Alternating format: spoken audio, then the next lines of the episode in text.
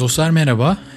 E, kayıtlara geçmesi adına bu kaydı 25 Aralık 2022 tarihinde e, saat 7 civarı, akşam 7 civarı e, çalışma odamda alıyorum.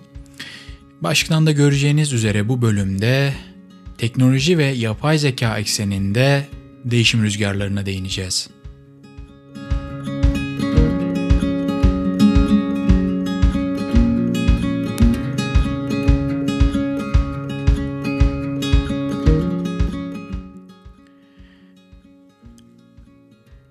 Hafta içerisinde e, e-posta adresime bir e, bülten düştü, bir teknoloji bülteni e, ve bülteni açtığımda burada DeepMind şirketi ile alakalı bir habere denk geldim.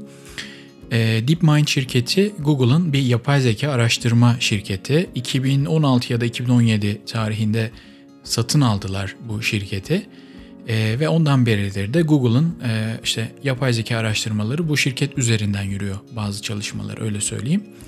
Ancak biz bu şirketi e, esasında geliştirdiği AlphaGo ürünüyle tanıyoruz. AlphaGo e, Go oyunu e, uzak doğuda e, oynanan Go oyununda ki santranca göre çok daha fazla olasılık ve ihtimali içeren daha sezgisel yaklaşmanız gereken insan sezgisine ihtiyaç e, duyan bir oyun. E, bu oyun için geliştirdiği bir robot e, Go üstadı kabul edilen oyuncuyu yendi e, ve bu yapay zeka çalışmalarında bir kilometre taşı olarak kabul edilir, bir mihenk taşı olarak kabul edilir. Çünkü ilk defa e, sezgisel bir e, oyunda, sezgisel yaklaşmanız gereken bir oyunda e, makina insanı yendi. E, bu bunu aynı işte IBM'in geliştirdiği ve Kasparov'u yendiği e, o robotla kıyaslayabiliriz ama e, bu yapay zeka destekli robot çok daha e, geniş bir zekaya ve ka- kabiliyete sahip ve e, işte o şirketin e, geliştiricileriyle yapılan mülakatta da e, şunu gördük. E, geliştirilen sistemin arkasında derin öğrenme temelli bir sistem var ve bu sistem e, aslında kendi kendine Go oyunları oynayarak yani e, karşı tarafı da kendisini koyarak kendisine eğitmiş ve bu sayede de e, sezgisel yaklaşımı belli oranda öğrenmiş ki biz bunu e, ne kadar iyi öğrendiğini o üstadı yendiğinde e, gördük. İşte bu şirket e, hafta içerisinde mailime gelen bültende gördüğüm e, Alpha Code adında bir ürün daha geliştirmişler ve bu ürün de adından da belli olacağı üzere kod yazıyor dostlar. Tabii e, son dönemde yapay zeka çalışmalarında yaşanan e, gelişmeler, e, daha e, popüler bilime düşen haberler e, her camiada ya yapay zeka nereye gidiyor, bizim mesleklerimiz ne olacak, işsiz mi kalacağız gibi e, haliyle soru e, oluşturuyor insanlarda ki bu artık e, yazılımcılarda da oluşmaya başladı. Çünkü e, belki hatırlarsınız e, işte OpenAI şirketinin geliştirdiği ChatGPT aracı o da yakın bir zamanda e, piyasaya çıktı.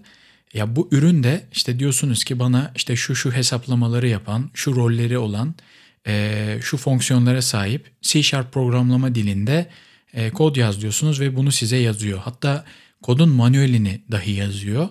E, tabii bunu görünce insan haliyle e, özellikle yazılım e, tarafında yazılımcılar e, ya biz işsiz mi kalacağız? Ekmeğimizi, hayatımızı kazandığımız kod yazma süreçleri acaba yapay zeka mı devralacak gibi bir kaygı oluştu. E, ben açıkçası hmm, hani ne kötümserim ne iyimserim ben daha böyle ortada bir yerdeyim.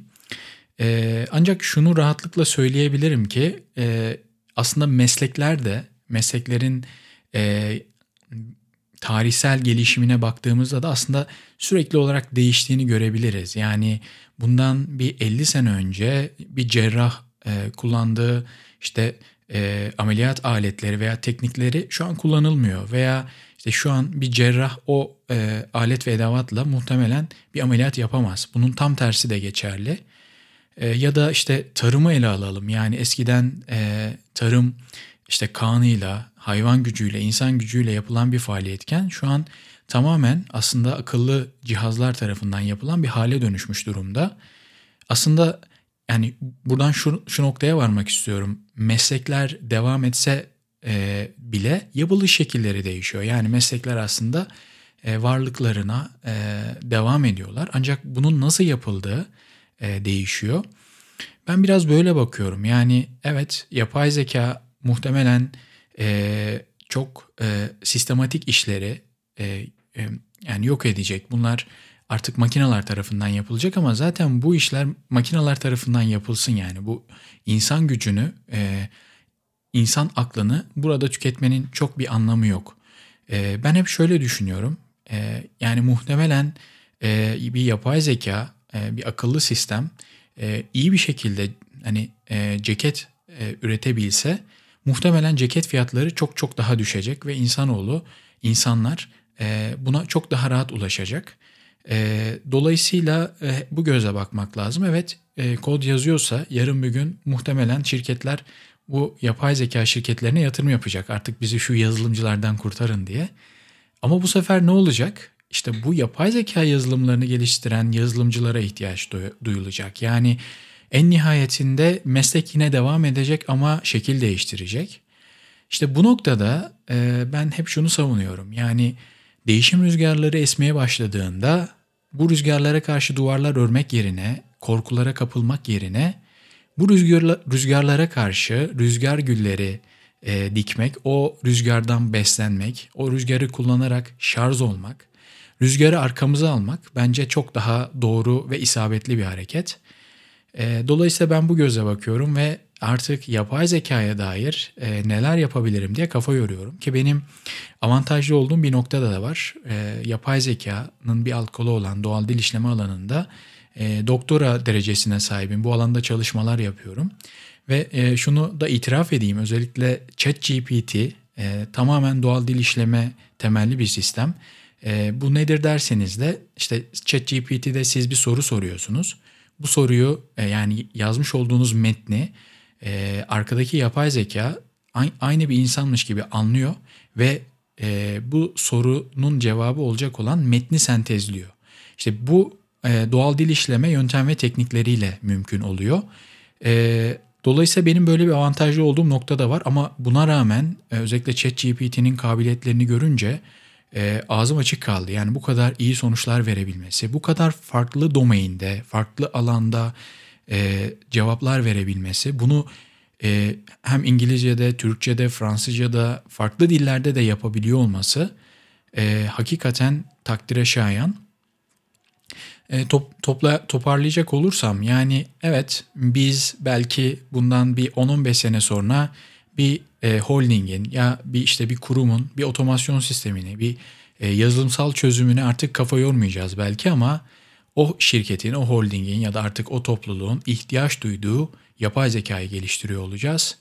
Dolayısıyla değişmeyen tek şey değişimdir e, şiarıyla değişime ayak uydurmak, o değişim rüzgarına e, rüzgar güllerini dikip bunlardan beslenmek, e, o rüzgarı arkamıza almak bence en doğru olanı.